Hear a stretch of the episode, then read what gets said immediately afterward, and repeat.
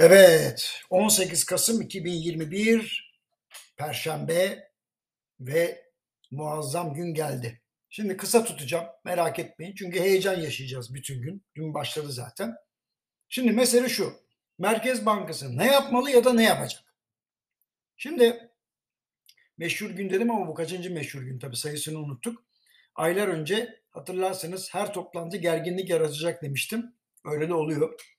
Şimdi Merkez Bankası'nın yeni bir faiz hamlesi yapmaması için e, finans kesiminden bir telkin kampanyası var. Ana şöyle diyeyim size banka genel müdürlerinin açıklamaların yanında bizim gibi uzmanlar da yani kaynak azken maliyetini düşürmek beklenen sonucu vermez diye uyarıyor. Ancak Merkez Bankası'nın öyle ya da böyle yıl bitmeden bir indirim yapacağına dair kanaatler oldukça güçlendi. Yani bu seferkinde olmasa bile Aralık'ta yapılacak gibi gözüküyor.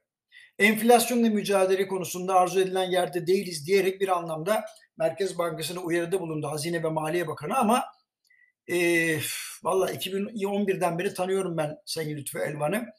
E, rasyonel bir uzmandır. Onun ve siyasetçidir.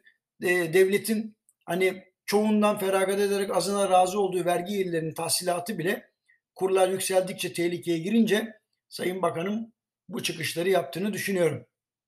Kusura bakmayın ben severim Sayın Bakanı çünkü yakın çalıştım.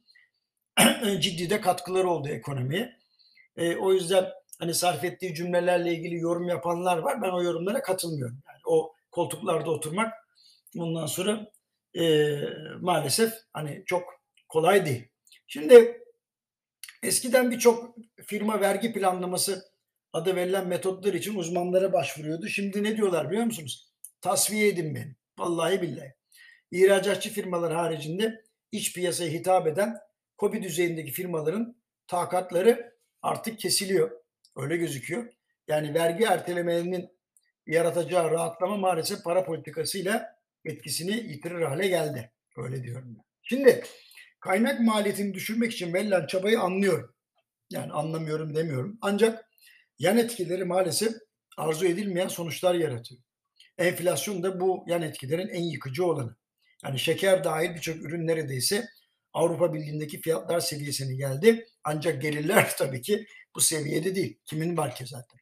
Şimdi açıkça birçok konuda iş insanlarına değil vatandaşa yönelik fayda dağıtıldığı için bari kredi faizleri ucuzlasın diye yapılan bu dengeleme adımlarının hem iş dünyası hem de sokaktaki vatandaş için sıkıntı yaratan sonuçları oluyor diyebilirim.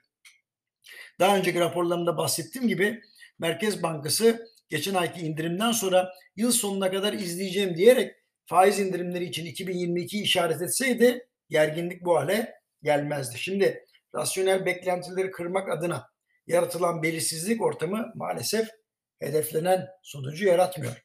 Merkez Bankası'nın şeffaf bir politika benimsemesi piyasalardaki endişeleri gidermek için önemli bir adım olacak diyorum. Hepinize hoşça kalın. Bakalım saat 14'te ne olacak?